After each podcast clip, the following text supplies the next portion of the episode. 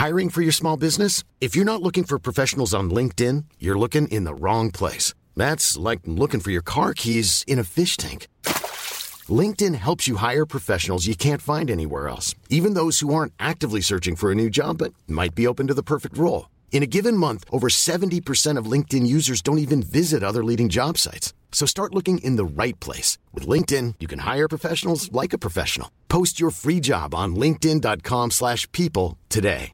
You should celebrate yourself every day, but some days you should celebrate with jewelry. Whether you want to commemorate an unforgettable moment or just bring some added sparkle to your collection, Blue Nile can offer you expert guidance and a wide assortment of jewelry of the highest quality at the best price. Go to BlueNile.com today and experience the ease and convenience of shopping Blue Nile, the original online jeweler since 1999. That's BlueNile.com. BlueNile.com. Quality sleep is essential. That's why the Sleep Number Smart Bed is designed for your ever evolving sleep needs. Need a bed that's firmer or softer on either side? Helps you sleep at a comfortable temperature? Sleep Number Smart Beds let you individualize your comfort so you sleep better together. JD Power ranks Sleep Number number 1 in customer satisfaction with mattresses purchased in-store. And now, save 50% on the Sleep Number limited edition Smart Bed for a limited time. For JD Power 2023 award information, visit jdpower.com/awards. Only at a Sleep Number store or sleepnumber.com.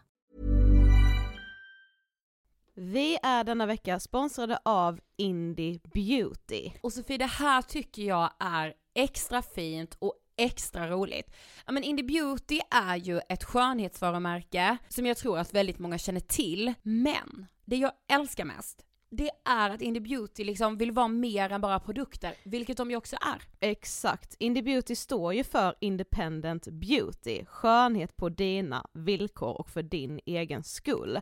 Och Indie Beauty tror ju stenhårt på ett alternativt skönhetsideal fritt från måsten, skam och känslor av otillräcklighet. Där är jag helt med Indie Beauty. Jag med. Det är så jag vill att skönhet ska vara. Ja men verkligen. Och vet du vad som är nytt för i år Sofie? Berätta. Från och med i år så skänker Indie Beauty 1% av sin försäljning till Suicide Zero, Tjejzonen och Djurens Rätt. Så när man handlar produkter från Indie Beauty så kan man liksom känna att man också ger tillbaka till samhället. Ja, kraften i tillsammans. Ska jag säga en sak nu då, som Mm. jag, det, men det är detta jag är extra glad över.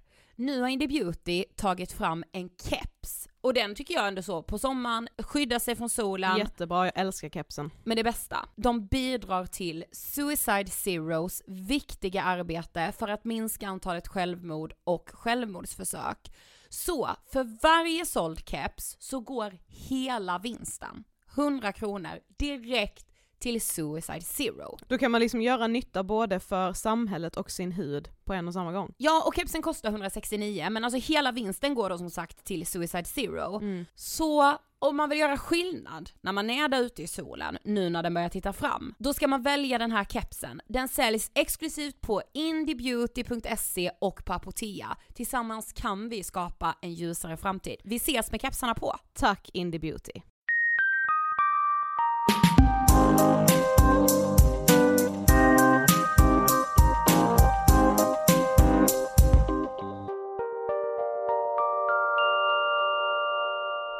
allihopa och varmt välkomna till avsnitt 185 av Ångestpodden! Yay! Hej! Alltså så vi vet vad jag tänkte på? Nej. Om vi hade varit sådana som startade vår podd så här, du vet bara Det här är Ångestpodden med mig, Ida Höckestrand.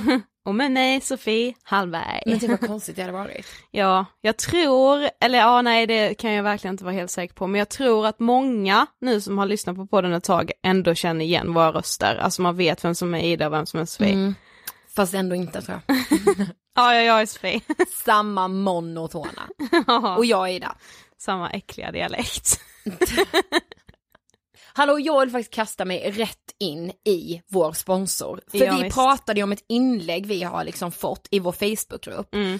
Och jag kände bara att vi måste liksom läsa det. Vi är denna vecka sponsrade av revolutionerande Kry. Ja, och det är så kul att se att det inte bara är vi som ju älskar Kry, Mm. utan även ni som har testat den och som berättar om era bra upplevelser av appen liksom. Exakt. Så fick vi det här inlägget i vår Facebookgrupp Ångestpodden Vi pratar vidare. Jag testade Kry-appen för första gången nu när min kurator på min mottagning har semester och pratade med en psykolog där. Det var jättebra. Jag rekommenderar det starkt. Nu slipper man må dåligt på grund av semestertider och så vidare.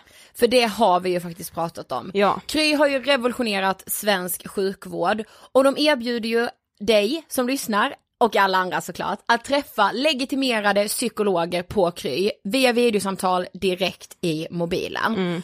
Och det kanske kan vara bra att påminna om att man kan få råd, stöd och verktyg att bättre hantera den jobbiga situationen som man känner att man är i. Ja, och det är ju faktiskt vida känt att det är väldigt svårt att få psykologtider, speciellt om man liksom inte har möjlighet att vända sig till en privat psykologmottagning som, alltså det är väldigt många som inte har den möjligheten. Eh, och då är bara så här, ja men tack Kry för allt ni gör. Ja men och jag kände med så här att vi sa ju det att gud det är så jobbigt för det är så många som skriver till oss och säger att så här min psykolog är på semester, hela mottagningen är stängd. Och det tänkte ju Kry också att så kan vi inte ha det, så de har ju såklart öppet hela sommaren. Och precis som vår lyssnare skriver där, att det är jätteskönt, min psykolog är på semester, men då kan jag testa Kry. Och viktigt att poängtera som vi har nämnt tidigare också är ju att liksom har du väl hittat en psykolog hos Kry som du känner att bara wow, alltså vi klickar verkligen och jag vågar öppna upp mig för hen, då är det bara att boka samtal med samma psykolog hos Kry, så det är precis som i verkligheten fast genom mobilen. Man måste ju säga att det är väldigt, väldigt enkelt. Man bokar ett möte i appen Kry och sen så legi- legitimerar man sig själv med BankID. Och därefter så beskriver man sina symptom och sen så får man ett möte med en psykolog via video. Mm. Det jag gillar så himla mycket med är också liksom kanske, det kanske är främst vår generation, men vi gör ju typ allting med telefonen idag. Och är man kanske precis som mig som aldrig liksom har gått till en psykolog och tycker att det steget är väldigt stort att ta, men känner ändå att så här, ja men nu har jag kommit in i en ond spiral som jag måste försöka bryta, men jag vet inte hur jag ska göra det själv. Då blir inte det steget lika stort att ta eftersom man gör det liksom via ett videosamtal istället för att träffa någon fysiskt. Men jag tror verkligen på det. Ja. Ett psykologbesök kostar 250 kronor och frikort gäller. Du måste vara 18 år för ett möte med en psykolog, men är du mellan 18 och 19 så är det gratis. Så det börjar alltså kosta från det att du är 20 år. Yes. Tack Kry. Men eh, hur mår du då? Nu Så här- är vi ju liksom tillbaka Yes. i Stockholm och semestern är över. Mm. Du vet Sofie, jag är helt förvirrad när folk skriver sig i mail. Ha en fortsatt bra sommar. Ja men det är ju fortfarande Nej, men sommar. ja. Titta ut Ida, men sitter du här och lökar sönder? Ja men kolla mitt ansikte. Ja, Ja, men alltså min- jag har aldrig handsvett men det här är helt sinnessjukt. Ja, nej men så här är det den här sommaren. Alltså jag vet så här, åh klaga på värmen, klaga på värmen, det gör alla. Jag måste, jag stämmer in i kören. Jo Så men alltså nu är det ju inte heller, alltså det, vi kommer prata om det här lite i avsnittet med vår gäst som vi har idag också, men liksom jag har aldrig tidigare typ kunnat relatera till folk som bara åh jag har klimatångest, alltså jag, jag har liksom verkligen inte tagit det på allvar och jag skäms för att jag inte har gjort det. Ja. Så här, ja jo men det är klart jag tycker att det är viktigt och har alltid tyckt att det är viktigt att källsortera och jag tycker det är bra om man liksom äter mindre kött och jag försöker äta så mycket vegetariskt som möjligt och bla bla bla. Men liksom Vem hjälper dig ändå att äta mer vegetariskt skulle du säga? det gör du Ida. Nej men du, alltså vet du vad som är jättesjukt? Nej. Och det här är så här, jag skäms ju när jag säger det här. Men, ja men så här, det, har, det har varit jättevarmt, det är skitvarmt, det är så här 30 grader. Jag har fått en ny grej som jag tycker är asjobbig. Jag svettas i ansiktet. Mm. Jag ser ut att vara dyngsur. Och det gör jag typ inte. Nej. Men jag inbillar mig det. Och i min värld då, då får jag panikångest. För alltid när jag fick mina värsta panikattacker började jag svettas. Mm. Alltså min hjärna är helt lurad, den är helt fucked. Den vet inte hur den ska göra, den bara ha shit du börjar svettas, ja ah, men gumman då har du panikångest. Ja, precis. så bäst att stressa upp dig för du måste fly. Mm. Alltså jag det, har, du har ju förväntansångest liksom. mm, inför allt. Mm. Så middagar just nu, alltså det är, jag håller liksom i mig i stolen när jag säger det för att jag får sån jävla panik. Mm. Eh, Men Och inte middagar i som att du och jag sitter och äter. nej nej, men det kan Utan- vara med kompisar. Mm. Men också så här, jag börjar tänka så är det någon social ångest då? Mm. Jag diagnostiserar ju mig själv hela tiden. Ja fast det tror jag inte du ska hålla på med. Ja, det här är skitjobbigt. Och det var så som i måndag så träffade jag ju dig och Hampus på middag. Och bara så här fick gråta för det här och det var så himla skönt. För jag kände det här för några, alltså till och med någon månad sedan att det här började komma. Mm, Så här panikattacker, speciellt på middagar för det är så kopplat för mig på något sätt. Och jag har liksom varit så hela sommaren att bara nej, nej, nej, nej, nej, trycka undan det, bara nej men det är lugnt, det är lugnt, jag känner ingenting liksom. Det var en engångsgrej liksom. Mm, hela tiden. Och sen så nu att så här på något sätt försöka acceptera att bara, nu är vi här, nu tar vi det därifrån. Mm. Eh, det var liksom som att jag fick göra det lite i måndags. Mm. När jag fick gråta mer. Mm.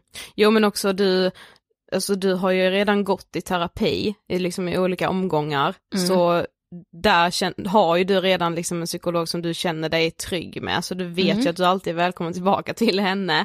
Jo, jo, Eh, verkligen. Men ja. jag funderar också på att testa Kry. Mm. För jag har inte gjort det ännu. Nej. Ehm, jag känner bara att jag vill bli av med det här nu så fort som möjligt. Mm. Jo men tror du inte du har liksom redan tagit dig ur liksom en period när panikångest liksom verkligen styrde hela ditt liv så Mm. ju, du har liksom inte katastroftanken att du kommer hamna där igen för det kommer du liksom inte, du har ju liksom redan med dig redskapen du fick då Mm. plus att jag tror inte det kommer gå så långt för du vet ju att ingenting blir bättre av att typ isolera sig, Nej, nej. ingenting blir bättre av att om du skulle känna att du har panikångest inför nästa stora middag du ska på så kommer du inte stanna hemma. Nej, nej, det För du vet jag att det bara blir värre. Ja, men så är det den här svetten som jag Ja. då går och tänker på Ja men du måste tiden. tänka liksom alltså Ida, jag har, jag har inte haft problem med så här svettningar. Jo, eh, när jag, alltså när jag typ var yngre blev jag jättelökig i armhålan. Ja, men alltså, det vet- hade jag med. Ja, i puberteten var jag, alltså mina lökringar var... Men jag med. Alltså det var det sjukaste jag hade. jag kunde ta färgade kläder. jag och min, min bästis Frida, vi kunde, men vi kunde sko- skoja och skratta om det. Ja. Vi gick in på toa och typ jämförde. Ja. Det var det här det sjukaste. Men jag hade typ ingen kompis som hade liksom riktigt samma problem, alltså på min mellanstadieskola. Nej, men det var ju alltså- innan vi hade lärt Ja, känna ja, ja. varandra. Jag och så jag minns liksom, jag fick köpa såna antiperspirant som Jo skulle men torka ut ansiktet arm... Sofie, det alltså jag skäms, jag, jag tänker typ såhär, jag bara, alltså jag kan inte hjälpa att det blir så här. men det är allt jag kan tänka på. För min hjärna tror att jag håller på att få en ångestattack när det egentligen är typ 35 grader ute och Precis. så här. Ja, alla svettas ju. ja, Jag är med jättesvettig i detta ja, nu. man jag, ja jag ser den. tror typ att när jag reser mig från stolen här så kommer det vara en liten fläck.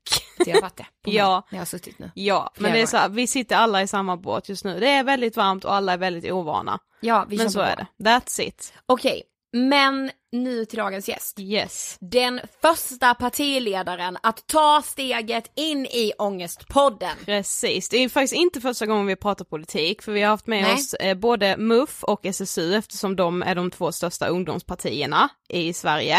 Vi har haft med oss Sveriges socialminister Annika Strandhäll, men nu går vi på de stora partierna och deras ledare. Och som ni ser så är först ut Gustav Fridolin från Miljöpartiet. Yes. Eh, vi vill bara påminna och säga att vi är helt opolitiska eh, och också berätta att vi har frågat alla partiledarna utom Jimmy Åkesson från Sverigedemokraterna. Eh, vi fick lite frågor om det varför vi inte frågade honom för vi sa det till er innan. Vi känner väl mest bara att eh, även om vi säger att vi är helt politiskt neutrala i vår podd för att det känns bäst för oss så vill vi liksom ta någon slags ställning när det finns partier som vi anser är främlingsfientliga och som vi inte alls skulle vara bekväma med att sitta ner och prata med för att vi tycker det är konstigt att normalisera det. Vi fattar att SVT måste ha med honom ja, eh, i sina saker men annars finns ju alltid en valmöjlighet liksom. mm. och vi har det valet. Ja. Och då väljer vi. Precis. Eh, Och såklart så sympatiserar inte vi med alla partiledare, alla de andra partiledarna, det skulle vara väldigt konstigt. Eh, men vi valde ändå att bjuda in eh, alla. Ehm, och ehm, det är än så länge bara två som har tackat ja, en tredje håller vi på att sätta tid med. Eh, och det är så tråkigt. Vi pratade lite om det med Gustav också och han tycker jag har bra svar på tal. Mm, verkligen jag med. Och det, det säger så jävla mycket om just ämnet psykisk ohälsa. Men vi tyckte det var spännande att prata ganska privat med honom. Såklart också vår fråga, psykisk ohälsa, för för mig är det väldigt viktigt i valet. Mm.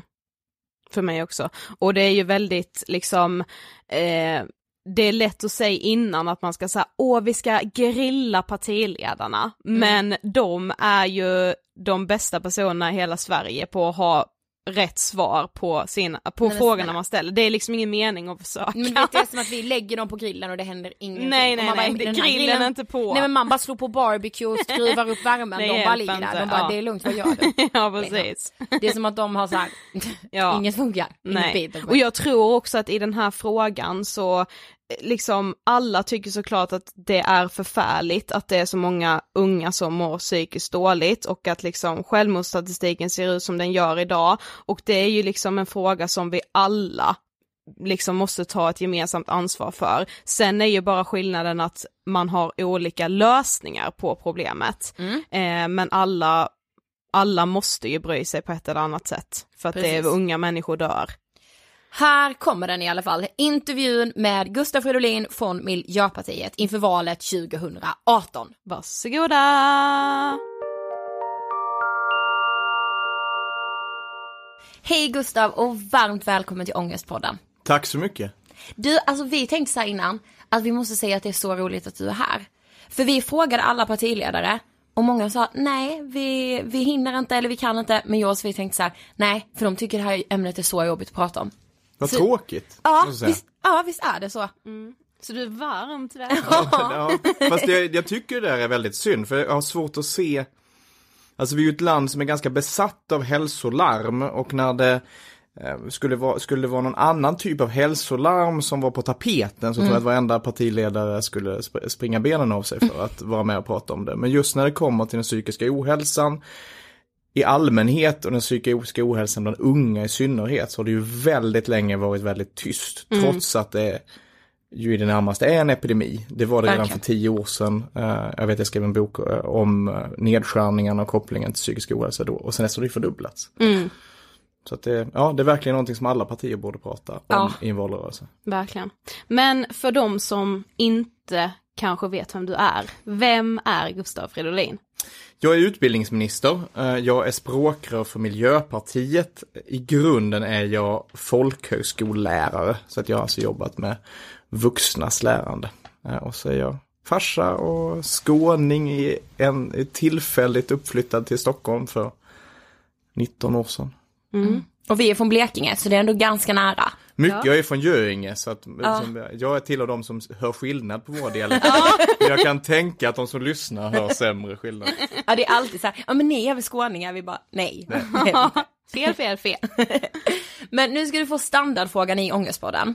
Vad tänker du på när du hör ordet ångest? Jag tänker nog ändå rätt mycket på eh, erfarenheter från läraruppdraget. Eh, Jag jobbade ju med, som folkhögskollärare så jobbade jag ju alltså med allmän linje och det är när man läser in gymnasiet som vuxen. Och det fanns såklart lika många erfarenheter och berättelser till varför man valde att göra det eller av omständigheter hade tvingats att göra det som vuxen inte kunnat läsa gymnasiet de där sena tonåren. Som det fanns deltagare i folkhögskolan. Men ganska många hade ju en historia av trauman eller psykisk ohälsa som ju fortfarande man levde med. Nu var man på väg och man hade en chans. Men eh, att hantera ångest och att kunna hjälpa, att ha en skolmiljö som på något sätt hjälpte deltagare att ta sig framåt sitt lärande även om man slogs med till exempel panikångest. Det var, det var helt avgörande för att det skulle funka överhuvudtaget. Ja. Men du är ju uppväxt i Vittsjö utanför Hässleholm. Ja. Hur var det? Ja, det var, det var en liten, eh, det är en liten by. Eh, 1600 invånare, 2 500 tror jag man räknar in eh, bondgårdarna och grannbyarna. Eh, Och det var ju en väldigt stark social kontroll på gott och ont. Eh, Kunde vara svårt att sticka ut.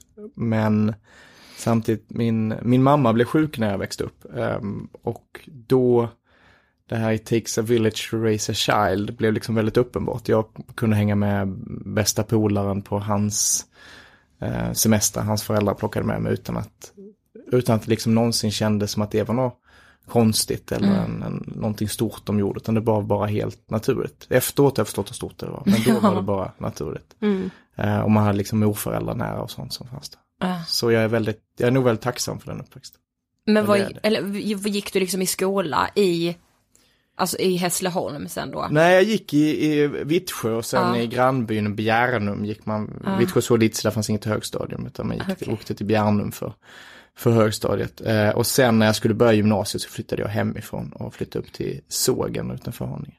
Oj, Eller i Haninge kommun. så då var du bara, hur gammal är man när man, bara Sex, 16? Skulle fylla 16. Ja.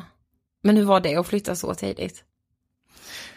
Eh, Ja, sp- spännande. ehm, Men det var också eftersom eh, min mamma hade varit sjuk så hade jag ju bott eh, både hos min mormor och morfar och hos vänner eh, ganska länge. Så. att- Men jag, för jag tänker själv, sen när jag var 16, jag hade tyckt det var så läskigt att flytta hemifrån då. Jag tror inte jag hade liksom klarat det. Nej inte jag heller. Eller man kanske hade klarat det, men det känns liksom som ett väldigt stort steg när man ändå är så pass ung. Jo, jo men det var det nog. Ja. Eh, det är så här, efteråt verkar ju alltid allting så logiskt, men då var det nog. Men jag behövde det, alltså jag var eh, ganska eh, jag hade varit ganska skoltrött och var ganska, ja men visste liksom inte riktigt vad jag ville, vad jag ville göra. Eh, och så älskar jag att skriva, det har alltid varit en sån där, så länge jag kan minnas någonting som, som jag gör, lite som, ja men, vissa spelar i band och andra eh, målar graffiti och, och liksom Ja, jag precis. eh, älskade att skriva och gör det fortfarande. Och då hittade vi ett gymnasium där man fick skriva mycket. Och det kändes som att det passade mig. Sen vet jag inte hur bra det var i just det gymnasiet i efterhand. men, men däremot var det, det, det kändes att då att oj, att, att liksom få ta det steget, det, det var nödvändigt. Men när och liksom hur blev du engagerad i politiken? Det var nedskärningar på min skola när vi gick, då gick vi bara i mellanstadiet. Så att man var liksom inte, jag var inte politiskt aktiv eller medveten och sådär på det sätt som man kanske tänker idag. Um, och det tänker jag förresten ofta när, eh, nu speciellt inför valet när jag möter unga människor som har så väldigt hög tröskel för allt man känner att man måste kunna för att bestämma sig vad ska jag rösta på. Precis. Att i, ibland räcker det ju med att utgå från att men vad har jag sett, vad har jag upplevt, vad tycker jag är viktigast? Och just då var det viktigaste att stoppa nedskärningarna på min skola, att vi skulle bli fler i klassen och, eh, och så. Och då eh, på lite omvägar så fick vi i- inför valet, vad blev det, 94, träffa eh, politikerna i kommunen. Eh, och trodde väl att vi skulle träffa kostymgubbar. Men lokalt är ju de flesta politiker, framförallt i ett litet parti som Miljöpartiet, är ju folk som har vanliga jobb. eh, och som gör det på sin fritid för att man vill göra världen lite bättre. Och när vi kom och träffade dem så lyssnade de verkligen på oss och tog med sig det och tog upp det med de andra partierna och gick upp i fullmäktige och sa att nej, ni säger att man kan spara på skolan utan att det märks, men vi har minsann träffat fyra killar härifrån Vittsjö skola och de berättar att, och det där var ju så häftigt, att vi kunde vara, inte bara bli lyssnade till utan vi var experter på någonting. Mm, precis. Vi kunde berätta hur det minsann var att gå i skolan då. Exakt. Så då eh, tog vi alla fyra vägen in i, i Miljöpartiet. Aha. En bra väg ändå för att få ungdomar engagerade, Ja, tänker jag. verkligen. Ja, jag hoppas verkligen Miljöpartiet fortfarande har kvar det där och också att andra partier har att man är, ska politik funka så måste det vara väldigt öppet för den som kommer och säger det här upplever jag, det här tycker jag är fel, det här skulle jag vilja ändra på. Ja, att precis.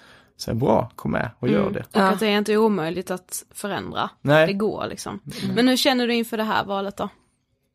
Ska jag vara jag, jag känner mig nog mer orolig än vad jag någonsin gjort inför ett val. Det handlar inte jättemycket om Miljöpartiet. Jag vet att det finns liksom tillräckligt med folk som tycker miljöfrågan, verkligen ser att miljöfrågan är så viktig. Men dels, dels då miljöfrågan i sig, att det är den absolut viktigaste frågan vi står inför.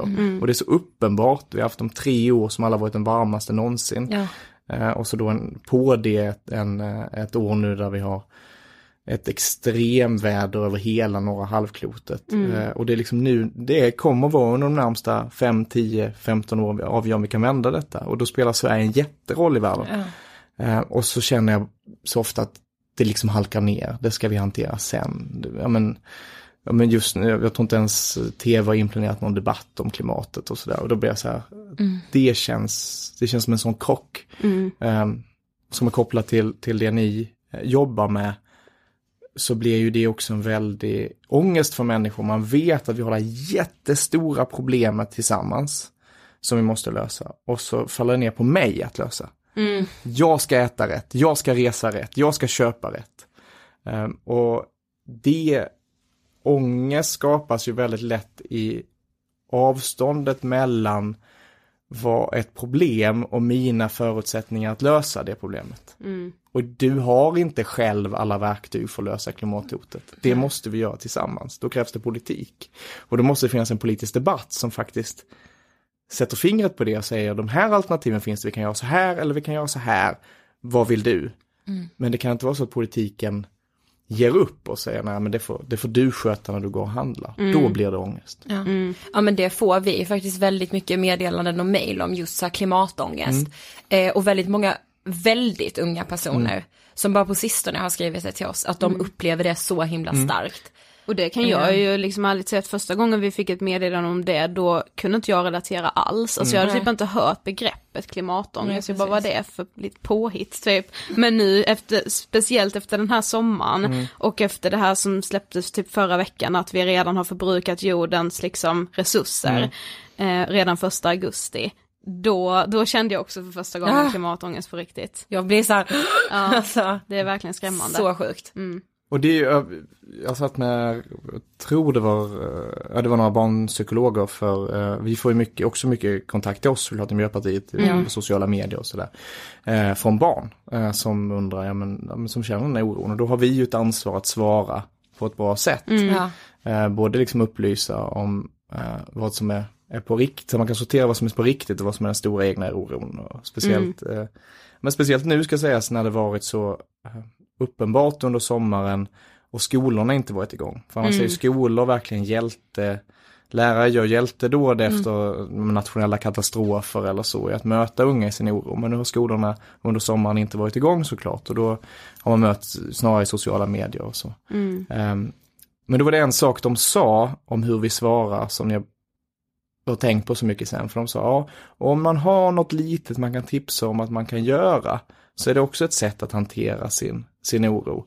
Eh, och då är det viktigt, det bästa är att man kan göra något för någon annan, till exempel om kommunen har ett volontärsarbete där man kan gå hem till en, en äldre som sitter ensam i en varm lägenhet under den här hettan och, och ja, men kanske bara hjälpa till att öppna fönstren eller samtala eller få en att kunna tänka på någonting annat eller kanske till och med ta en promenad eh, ut. Eh, Ja. då, då kan man tipsa unga om det.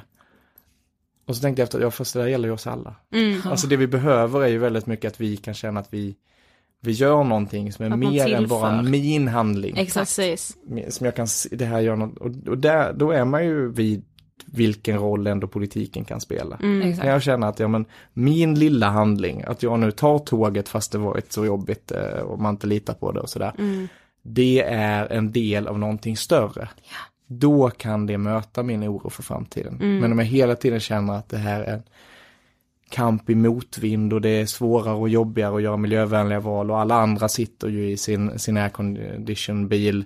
Då kommer jag eh, både ge upp och den här oron, eh, eller ångesten om man nu ska kalla det för det, det eh, växer. Mm. Ja, alltså vi tänker ju såklart i intervjun så här fokusera på psykisk ohälsa, såklart, för det gör ju vi alltid i Ångestpodden. Men alltså har du några erfarenheter av psykisk ohälsa själv? Men mina starkaste erfarenheter är som, som lärare.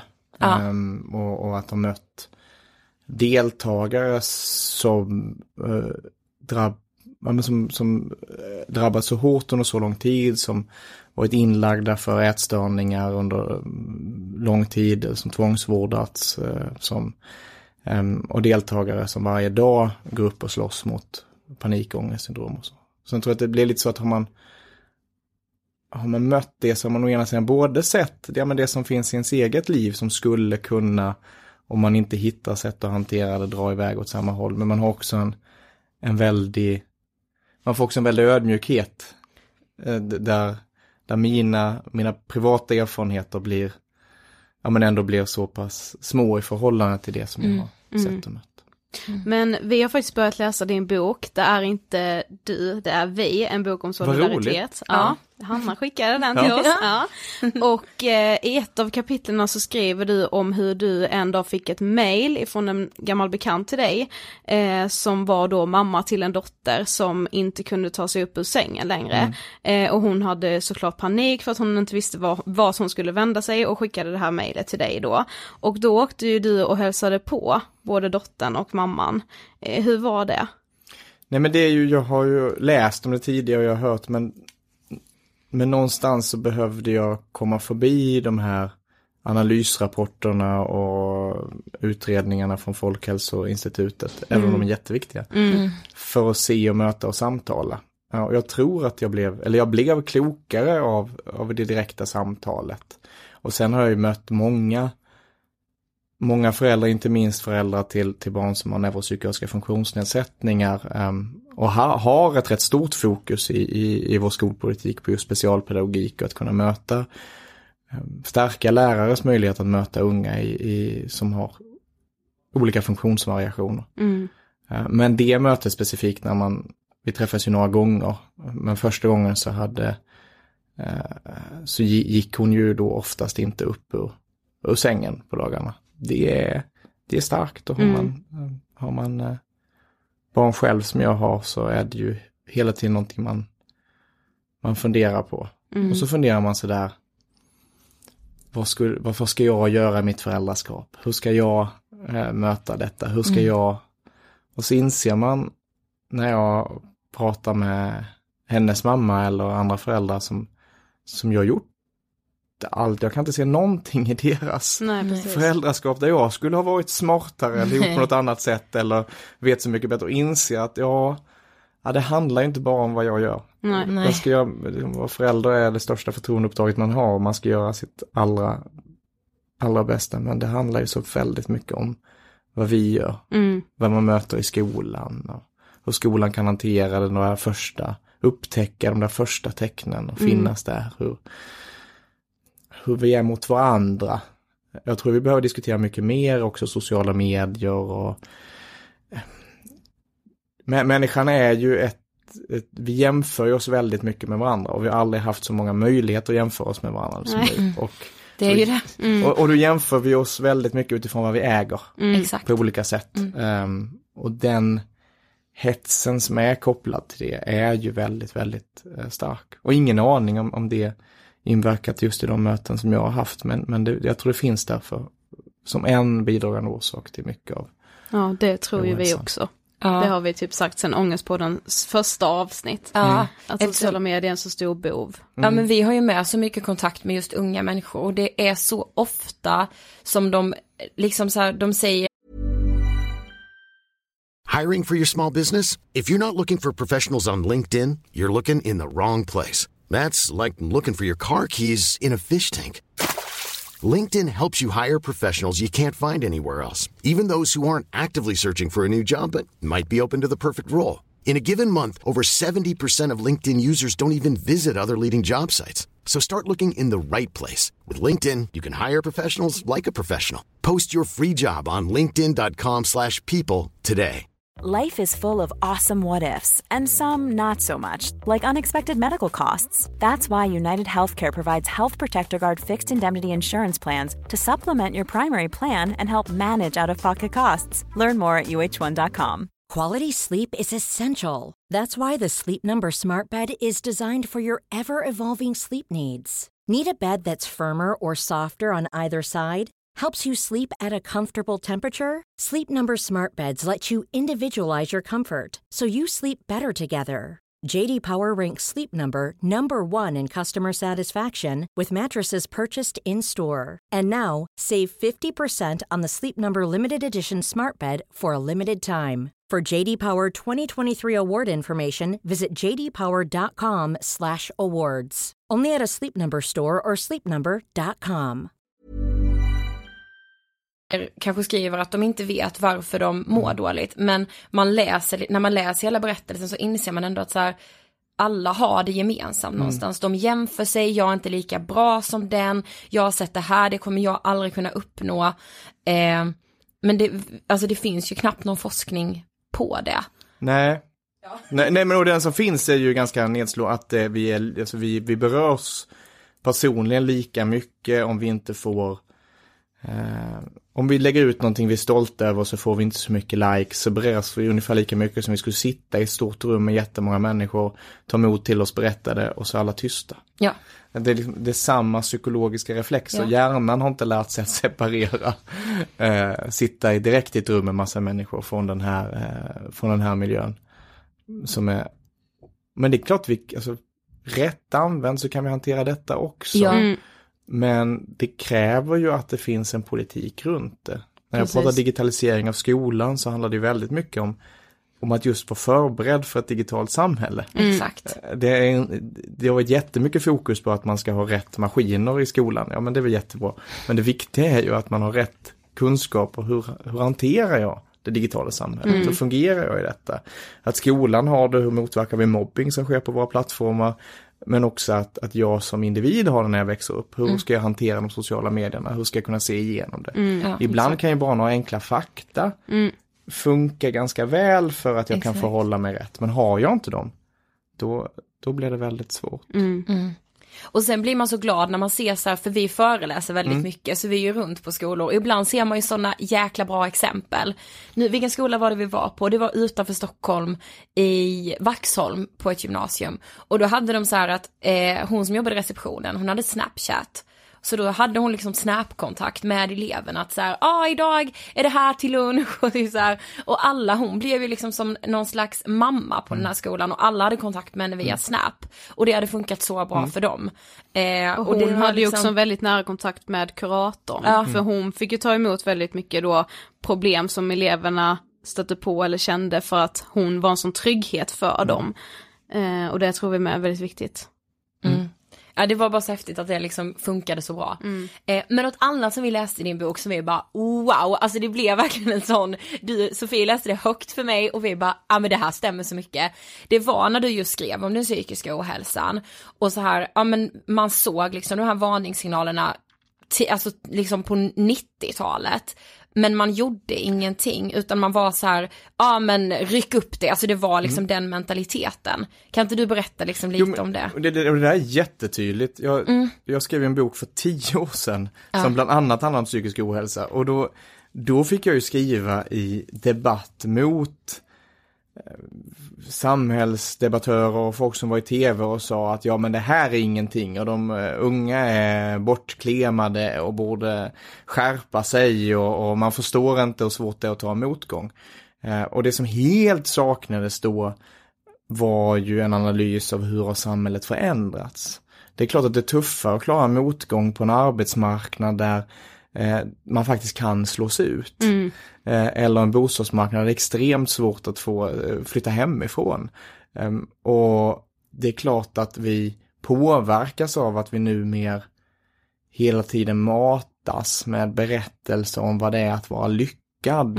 Att våra tv-program och det vi följer och nu, nu mer då, eh, det var ju inte så för tio år sedan, men nu mer eh, de, de vi följer i sociala medier väldigt ofta berättar berättelsen om att lyckas och väldigt lite berättar livet i alla dess gråskalor och allt vad det är. Eh, och sen så återberättar vi det på sociala medier för varandra, vad, vi själva är stolta över, men vi berättar liksom inte allt det andra. Eh, och då blev den, det kommer ju färga oss också, vår, vår, det är ju det vi kommer det är den mallen vi kommer jämföra våra egna liv med och då blir det väl, då blir det ett jakt på perfektion som är helt omöjligt att leva upp till. Så den samhällsanalysen saknades då, den börjar ju genom ert arbete och andras nu ta plats. Och det var ju likadant när vuxna människor eh, började drabbas kraftigt av att fler och fler eh, helt enkelt slogs ut från arbetsmarknaden, att utbrändheten ökade. Det var en ledartext i DN som skrev att ja, vad är det för fel på lite friskis och svettis och en träningsoverall, då löser man det här. Och det tror jag nog inte så många skulle säga idag, Nej. när liksom en överbefälhavare och partiledare och minister har eh, tvingats till sjukskrivning eller eh, till och med avslutat sina jobb för att man drabbats av, av utbrändhet. Eh, så att, och alla känner ju idag någon. Men det första, den första reaktionen från samhället när den här epidemin började var verkligen att slå ifrån sig och Exakt. säga att det här är ingenting. Mm. Och just det här med att man liksom målade upp unga som kördade och jag tyckte det var intressant också här med att när man typ ställde frågor till ungdomar om så typ så här, har du mycket huvudvärk, känner du dig stressad? Då svarade de ja, men om de fick frågan har du ångest? Nej, alltså inte har väl jag ångest, nej Exakt. det kan inte jag ha liksom. Mm. Det är bara så här svaga personer som drabbas av ångest. Mm. Ja, det är väldigt, för ibland så säger ju en del att ja men det är nog för att vi pratar så mycket om det mm. nu.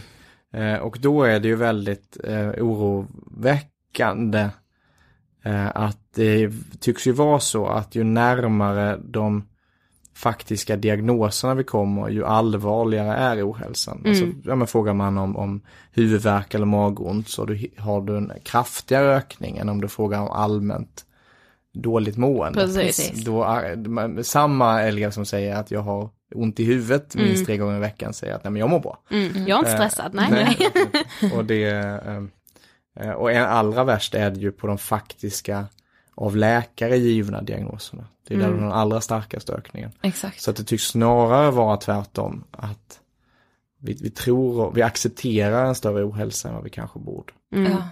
Men det här konsumtionssamhället som vi lever i då, där vi också hela tiden kan jämföra oss med vad alla andra har och vad alla andra gör. Alltså hur ska vi lära oss att hantera det på något sätt, för att det, det går ju på något sätt inte stoppa. Vi säger ju alltid att så Instagram är en jättestor bov i den här utvecklingen, men vi tror inte på att man kan ta bort till exempel Instagram eller andra sociala medier. Alltså hur hanterar du själv det? Jag tänker du har väl egna barn, hur liksom pratar du kring hela den här konsumtionen med dem för att de inte ska drabbas? Men vi försöker ju prata om det hemma. Man möter ju hela tiden det här alla andra har. Ja. Och, och, vi skrattar åt det när barn säger det, men vi är ju ja. likadana själva. Ja, precis. Exakt precis. Det, alltså. vi, um, men jag, och därför tror jag att det behövs politik. Jag tror att vi behöver politik mot reklam på nätet. Mm. Uh, alltså vi har, uh, inte som är totalförbjuden, men som, som reglerar hur den får genomföras. Vi har idag reklam för hur tobaksreklam får se ut. Men uh, den här reklamen som ju är kan byggas på helt andra med helt andra faktan, helt andra informationer om dig än vad någon reklam i historien kunnat göra. Så den är skräddarsydd utifrån kunskap om dig mm. som du kanske knappt själv ens, ens har själv. Mm. Hur du reser, vad du reser med för medel, för det kan man ju lätt se när man ser hur mobilen flyttar sig. Mm. Eh, vilka sidor du surfar på, vilken tid du surfar på de här sidorna. Eh, vilken kombination av sidor, alltså när, vad får det att gå från ena sidan till den andra? Mm, ja. eh, vad är det för ord som är triggers för dig som får dig att klicka på en länk? Allt det vet datorn som sen skräddarsyr reklamen till dig. Alltså det, det är obehagligt ja. när man tänker på det. Ja, och det, det, där måste det finnas någon typ av regelverk. Hur mm. får den här informationen delas och spridas? Ah. Så att den inte kan utnyttjas kommersiellt på det sättet den gör idag. För de kommersiella aktörerna vill ju bara kränga saker till mm. oss. Och det lättaste sättet, eller enda sättet att kränga någonting är ju att skapa ett, eh, ett behov. Eh, och ett behov kommer ur en upplevelse av att jag saknar någonting. Mm. Alltså en upplevelse av ett tillkortakommande. Och då skapar man det tillkortakommandet. Och ja, för det läskiga är man kan ju sakna egentligen allt. Så länge man får Gud, ja. reklamen matad till sig helt rätt. Man bara, jo men det där behöver ja, jag, hur kan jag inte? Alltså så här, ja. vi har tänkt på en sak, alltså så här, på att jämföra sig med andra. Jag och Sofie, vi kan jämföra oss med alla poddar som finns. Jag bara, ah, Alex och Sigge, ah, det går så bra för dem där, Filip och Fredrik, Hanna och Amanda. Kan du jämföra dig med de andra partiledarna? Kan du säga bara, fasen nu gick det så bra för Jan Björklund där. Ja. Sådär. Jo, vi, vi, det är ju en ständig tävling av, med förtroendesiffror och allting också. Men det gör ju också den här, jag har ändå varit med så pass, så pass länge nu så att jag har liksom varit med när, när man stod på höjden av det. Och då, det man visste då var att det här, det här är liksom inte kvar. Nej. Det här är, eh, det är så politiken funkar, framförallt så den mediala dramaturgin funkar. Mm. Utan jag kommer behöva fortsätta kämpa. Ja. Och så kämpar man liksom på varje dag. Och någonstans lever man, eller man, jag, jag lever för att göra den förändring jag tror är helt nödvändig. Liksom bort ifrån att ständigt förbruka jordens resurser och därigenom också, det är så tydligt, förbruka också oss själva. Mm. Uh, och hur vi, hur vi är och mår till att försöka bygga någonting bättre. Och det är liksom, det är jag beredd att kämpa för dag och natt. Mm. Och då får någonstans andra, det kommer att finnas tillfällen då andra gillar det och det kommer att finnas de som gillar det och det kommer definitivt finnas de som inte gillar det. Och det får ja. man ta. Så jag har lite sagt upp den tävlingen. Ja. Gud vad Vad skönt. skönt, jag längtar tills jag har gjort det. Men innan vi satte igång inspelningen så fick ju du se vår kampanjfilm Vara min kurator som vi släppte i juni. Och samtidigt som vi släppte den här filmen så släppte vi också en hemsida som heter vararminkurator.com där vi satte upp lite mål som vi tror kan få unga att må bättre, eller i alla fall hur man liksom kan hantera den här frågan på ett bättre sätt. Så vi tänker faktiskt ta tillfället i akt här nu och läsa upp de punkterna för dig och så får du liksom eh, säga ifall du håller med oss eller inte och vad som ens är rimligt att göra för det är, det är du som är politiker här och inte vi. så vi har bara, vi bara drömmer. Ja. Kör! Nummer ett. Eh, det bör finnas en maxgräns över hur många elever en skolkurator får vara ansvarig för. För idag finns det kuratorer som har ensamt ansvar för över 3000 elever. Ja, jag tror att man måste definiera vad tillgång till betyder. Um, Och vi har, vi har satt en person på att titta på hur lagstiftningen kan stärkas. Yes, vad glad jag blir när jag hör det. För punkt nummer två är nämligen, enligt skollagen ska varje elev ha tillgång till både skolkurator och skolpsykolog, men ordet tillgång är upp till varje skola och kommun att bedöma. Det krävs en tydligare utformning av skollagen där ordet tillgång bör specificeras. Ja, ja men det behövs en sån, sånt förtydligande. Och jag tror att formen för det, förutom att eh, ändra i lagen, det är att vi behöver ett avtal mellan staten eh, och Sveriges kommuner eh, om eh, hur vi möter den psykiska ohälsan. Och vi har sagt att vi borde uttrycka det som att vi avtalar om hur når vi köfri barn och ungdomspsykiatri. För det skulle liksom, alla kan se att jo men det behöver vi. Det är inte rimligt att någon, när någon mår så pass dåligt att man behöver barn och ungdomspsykiatrins expertis, att man behöver vänta på den. Det är dyrare på alla sätt och vis. Ja. Och sätter man det målet, då kommer det också han, både handla om vad skjuter vi till för resurser till själva BUP? Eh, och jag, jag tror att vi kommer behöva, det handlar om miljardbelopp som, som vi är beredda att investera i det. Men också hur ändrar man struktur och bygger vi ihop BUP och elevhälsan så att det mer blir en enhet, man inte faller mellan stolarna. Hur stärker vi psykiatrin på, ute på vårdcentralerna? Eh, hur vi måste utbilda fler psykologer för idag, även när du vill anställa, det är svårt att hitta Exakt. eh, utbildade psykologer. Och så måste man ju då, om man verkligen vill nå köfri barn och ungdomspsykiatri, då kan man ju inte slåss mot att köerna hela tiden fylls på av fler som behöver hjälpen. Utan man måste angripa orsakerna. Hur ger vi oss på sexismen, homofobin, eh, ojämställdheten, mobbingen. Eh, de grundorsaker vi vet som göder psykisk ohälsa. Och ett sådant avtal mellan stat och kommun som gör att vi inte att det inte är enskilda goda exempel längre utan att vi jobbar tillsammans. Det skulle vi verkligen behöva. Yes. Och det är ett av våra, ja men det är ett av våra krav i valet. Nummer tre. Tre av fyra skolkuratorer upplever sig inte hinna arbeta i förebyggande syfte så som de skulle önska.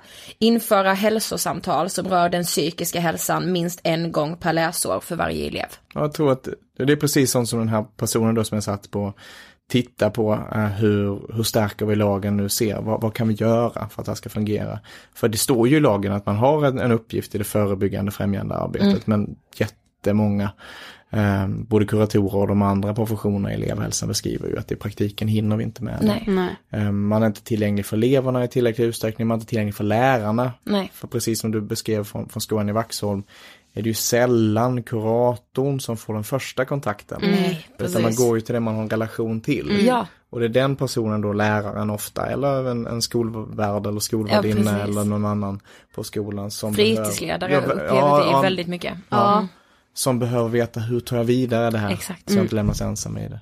Och det kan ju vara väldigt allvarligt om någon kommer och beskriver att man um, lever under hedersförtryck eller, eller har självmordstankar eller, eller eh, ätstörningar så måste man ju snabbt veta hur, vad gör jag med detta? Exakt. För eh, lika viktigt som det är att bygga upp den här relationen som gör att någon på skolan har, har jag det förtroendet för att berätta, lika viktigt är det ju att förtroendet inte brister när jag väl har berättat. Eh, sista då, som du typ eh, redan har svarat på. Kommunicera tydliga riktlinjer för när en söker vård och vart en då vänder sig för att minska köerna till BUP. För vi har förstått också att eh, många som kanske där det hade räckt, med citationstecken säger jag nu, att man gick till kuratorn, de vände sig direkt till BUP mm. och får då svaret att du är inte tillräckligt sjuk för att vara här och då ger man typ upp att mm. söka hjälp. Eh, och då är ju spiralen igång. Precis, liksom. eller så går man till kuratorn där kuratorn säger, säger att du är för sjuk för att vara här, du måste till BUP. Och så känns det omöjligt mm. för att köerna till BUP är alldeles för långa och mm. ja. Vi, vi, lägger, vi lägger särskilda pengar och har gjort nu ett år på att bygga pilotprojekt där man bygger ihop elevhälsan och mm. psykiatrin så att det egentligen är samma organisation. Ja. Och att man direkt kan utnyttja den kompetensen när någon kommer till elevhälsan och tvärtom. Mm. Um, och det är så det måste funka. Uh, även ihopbyggt med socialtjänsten när det Precis. handlar om situationer där socialtjänst, till exempel Exakt. problem i familjen, där socialtjänsten ja. behöver vara inkopplad. Och det Skottland, uh, vi samarbetar mycket med Skottland. Det, regeringspartiet i Skottland ingår i gröna gruppen eh, och, och mm. har mycket med dem att göra. Och där har man sedan tio år tillbaka ett program som heter Getting it right for every child. Som leds direkt ifrån motsvarande statsministerns kansli. Mm. Och som handlar om att ah, de här professionerna som jobbar direkt med barn, de ska jobba med ett mål. Inte främja sin egen verksamhet utan göra ja. det bästa för barnet. Mm. Och, och, då ska det inte, inte spela jättestor roll om det handlar om det som är min uppgift eller det som är din uppgift. Exakt. Utan vi har en gemensam uppgift ja. mm. och det är det här barnets välmående. Och det har ju kommit att handla väldigt mycket om psykisk ohälsa och också då en del andra problem som mm. Våld i hemmen och, våld i familjen som mm. hänger ihop också. Och det, mm. det är den typen av program vi behöver i Sverige. Också. Ja, verkligen. verkligen. Och vi tror också att det är viktigt att liksom eleverna tidigt får en en kontakt med kuratorn, mm. att kuratorn kanske är ute och har lektioner med eleverna, mm. att så här, vi brukar ta det som exempel när vi gick på vår högstadieskola så visste inte vi ens att vi hade en kurator, mm. för man såg aldrig hen, alltså ingen aning. Mm. Att man liksom behöver den där, ja men binda en kontakt så att man vågar söka mm. hjälp tidigt. Precis. Så kanske det inte hinner utvecklas till depressioner mm. eller panikångest liksom. Ja, men en av de vanligaste frågorna vi får också är så här, hej så här mår jag, vart ska jag vända mig? Mm. För unga vet inte det idag. Man har ingen aning. Nej. Eh, så det skulle jag säga att det är det vi svarar på mest. Mm. Så du kan gå till din kurator eller ungdomsmottagningen, din vårdcentral. Mm. Jaha, får vi ofta då. Mm. mm. Eh, för man har bilden av att säga, ja, hur, är jag sjuk nu? Alltså vad, vad ska ja, jag? Jag tror liksom? också att man är rädd för att man inte är tillräckligt sjuk mm. Mm. för att försöka hjälp. Precis. Ja, det är ett ganska komplicerat samhälle vi byggt upp. Alltså, ja. behövs, och det där märks ju i andra änden också när man mår väldigt, eh, när man liksom har, har haft, har eller har haft större problem, mått sämre, så är det ju ofta så att man har så väldigt många olika myndighetskontakter. Mm. Och de drar åt lite olika håll. Vissa får fokusera på hur viktig skolan är, andra gör det inte. Mm. Eh, vissa eh, ger rätt besked och försöker kanske snarare använda piska, andra försöker göra vårdinsatser. Och det där blir oerhört förvirrande för den enskilde och gör nog att vägen tillbaka ofta blir mycket längre än vad den skulle kunna vara. Precis. Mm. Det känns liksom omöjligt på något sätt. Ja. Ja. Och det är så lätt att hamna i. Jag vet själv som folkhögskollärare. Mm. man, istället för att kanske förstå vad någon myndighet eh, hade sagt till en deltagare som beskrev det så blev man liksom arg på myndigheten. Ja. Och, så gick mm. man och då, det känns ju rätt där och då och kan man hjälpa till i myndighetskontakten spelar det väldigt stor roll. Mm. Men om vi bara slåss mot varandra så i slutändan är den som förlorar mest på det är ju den unge som, som inte, inte kommer få hjälp utan ja. kommer se en massa eh, vuxna eh, eller mer vuxna än en själv, människor som, som eh, slåss om vad man själv borde göra. Mm. Istället för att, ja, men, det här är det som vi kan göra för dig, det här mm. är det du behöver. Mm. Mm.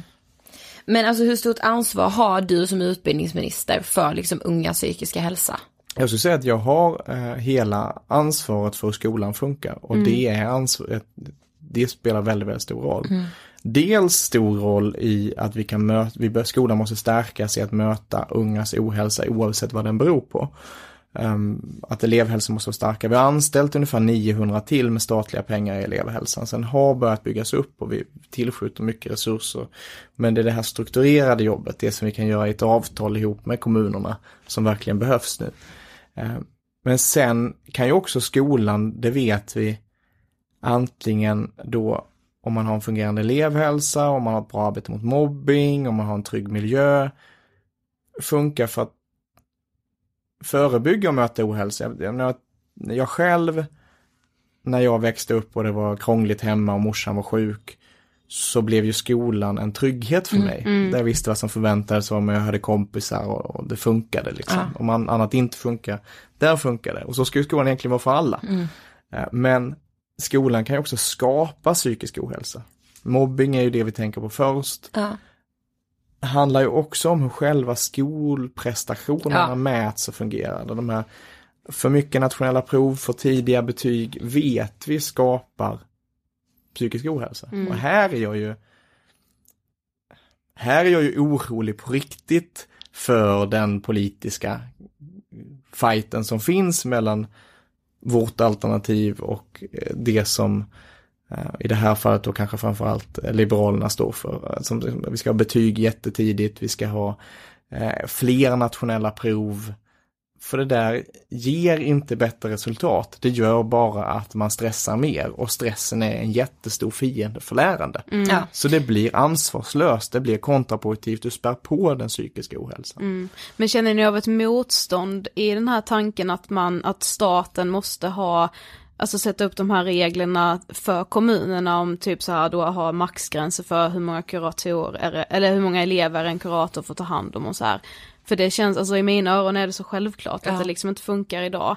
Jo men lite grann har det funnits ett motstånd och jag, det finns en logik bakom det också för att det är rätt ofta så att vi sätter en regel um, Skolan fungerar, styrningen av skolan funkar dåligt och det innebär att vi sätter en regel och sen ser vi hur vissa gör allt för att följa den men hur andra gör allt för att med minsta möjliga marginal ligga inom regeln Ja. eller kanske till och med över regeln. Alltså, men när man sa tillgång till kurator tänkte man ju inte att det skulle betyda att det fanns en kurator eh, och ringa på någon stafettsystem. någon Nej, gång. men Liksom, det står ju till och med i lagar att man ska jobba förebyggande och främjande. Exakt. Så att det som behövs är, ja vi behöver skärpa lagen men vi behöver också det här gemensamma arbetet med kommunerna. Och staten behöver ta ett, återta ett ansvar för finansieringen av skolan.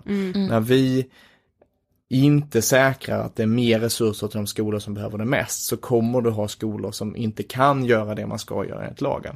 Där har vi börjat göra det nu så vi skjuter till mycket mer pengar till undervisning och elevhälsa. För, och, och då går det mer till alla men det går mest till de skolor som faktiskt behöver det mest. Mm. Eh, men någon annan så statistik som vi har pratat väldigt mycket om och som man ser, den har minskat men den är fortfarande väldigt hög, så är det ju självmordsstatistiken. Eh, vad liksom, vad borde man göra åt det? Det känns som att vi måste ha mycket mer forskning på det, det satsas pengar inom exempelvis trafiken.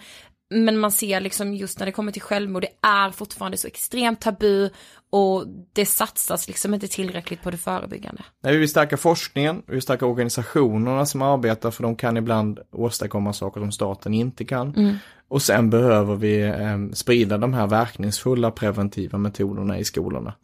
Eh, det finns sådana som idag har god forskningsgrund. Eh, det fanns en tid då man tänkte att vi ska inte prata om det. Eh, men det handlar ju om att man ska inte prata om, om det på fel sätt. Ja, precis. Eh, Däremot att kunna tidigt adressera sin psykiska ohälsa och ha ett antal snabba, lära alla barn och unga ett antal snabba metoder att hantera det, det vet vi får ner. Också självmorden. Men ibland, alltså kanske främst när man mår dåligt, så är det väldigt lätt att man känner hopplöshet. Också när man hör all den här statistiken att, ja men allt fler unga mår psykiskt dåligt och du skriver ganska mycket om det i din bok också, just det här med hopplösheten. Hur gör du för att eh, inte låta hopplösheten vinna? Men du vet, när man sitter där en eh, kväll i ett lite för varmt kansli och eh, bullarna är slut. Så, Då är det hopplöst. Nej, för man sitter och tittar sig omkring och så ser man människor som kommer från sina jobb.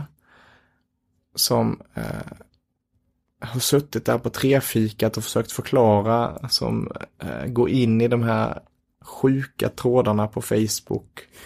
Eh, och bemöter hat och, och hån. Eh, och som nu sitter och planerar, hur kan vi göra en hur kan vi i den här kommunen stärka vår elevhälsa? I det känner jag ett sånt oerhört hopp. Mm. Att människor faktiskt går ihop och gör någonting tillsammans. Eh, Och sen kan det vara liksom en, en pride-parad som, som, eh, eller ett sommarläger för, barn som varit, eh, haft långvarig frånvaro, varit som man kallar det hemmasittare eller ett politiskt parti. Men det där att människor tar sitt engagemang och gör någonting av det. Det, det är så fantastiskt hoppfullt. Mm. Får man då vara i ett parti och möta det här väldigt ofta, då hämtar man energi i det. Det var ett fint svar tycker Ja, jag. Okej, vi har kommit till sista frågan. Vad inspirerar dig? På så många skolor där jag är så möter jag inte bara eh, lärare och eh, kuratorer och andra i elevhälsan och rektorer som är riktiga eldsjälar. Utan jag möter också elever som är det. Alltså som drar igång en jämställdhetsgrupp för att man har problem med, med ojämställdhet på skolan eller som eh, utmanar förlegade idéer som man sett i en lärobok eller som eh, eh, har en eh, startat en, en liksom, Facebookgrupper eller grupper på andra sociala medier som man kanske snarare använder idag. Eh, och utmanar hur man uttrycker sig mot varandra där och, och eh, mobbing. Och det blir väldigt inspirerande. Alltså att elever som ju aldrig har ansvaret för eh, trygghetsarbetet, det är på oss vuxna och som inte heller har ansvaret för jobbet mot mobbing eller på att se till att skolan funkar för alla. Det är för oss vuxna. Men som inte tänker vara tysta med sina erfarenheter utan gör någonting med dem direkt. Och genom det direkt här och nu skapa en bättre skola. Liksom. Eller när jag är med yngre elever, bara att man ser, ganska små barn som ser att ja, men, den där tjejen eller killen eller, eller ser, ser ensam ut, jag går dit och snackar. Det, ja, men det är häftigt. Mm. Ja det är sant. Håller med. Tack så jättemycket för att du ville gästa Ångestpodden. Tack så jättemycket och tack för det ni gör. Tack.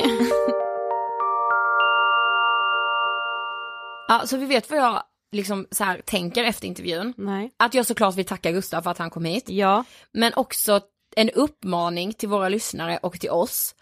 Att verkligen tänka på vad Gustav har sagt och följa upp vad han har sagt. Står det i deras partiprogram, det han ändå lovar oss.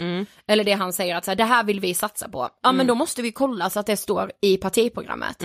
Eh, jag tycker det är viktigt när man lyssnar på alla partiledare och vad, vad är det egentligen de stå, lovar nu? Precis. Det, liksom? Det är väldigt lätt att lova saker när man kanske står i en, eh, i en partiledardebatt inför valet. Eller när man sitter hos Ångestpodden. Ja, precis. Det är faktiskt, ja men det har inte jag tänkt på innan men vi fick ju det som ett tips. Att så här nu inför valet att faktiskt lyssna på vad alla partiledare säger och kolla hur mycket av det de säger som liksom hela partiet står för. Exakt. För ibland kanske de blandar in sina egna åsikter men man måste ju liksom tänka på vad, hela, vad det är för parti man röstar på. Man röstar faktiskt inte på en person. Exakt. Så Ja, det var Maria Fabricius som tipsade oss om det.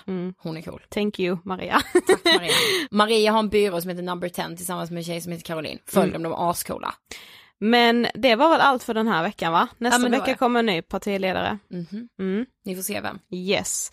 Ha det bäst i, eh, ha hur ni än har det i hettan. Glöm inte att dricka vatten, ärligt. Ja, Ja, det är faktiskt viktigt. det är skitviktigt. Men eh, spara också på vattnet. Ja, gud ja. ja, okej, ha det så bra så hörs vi som vanligt nästa vecka. Hej då! Hej då!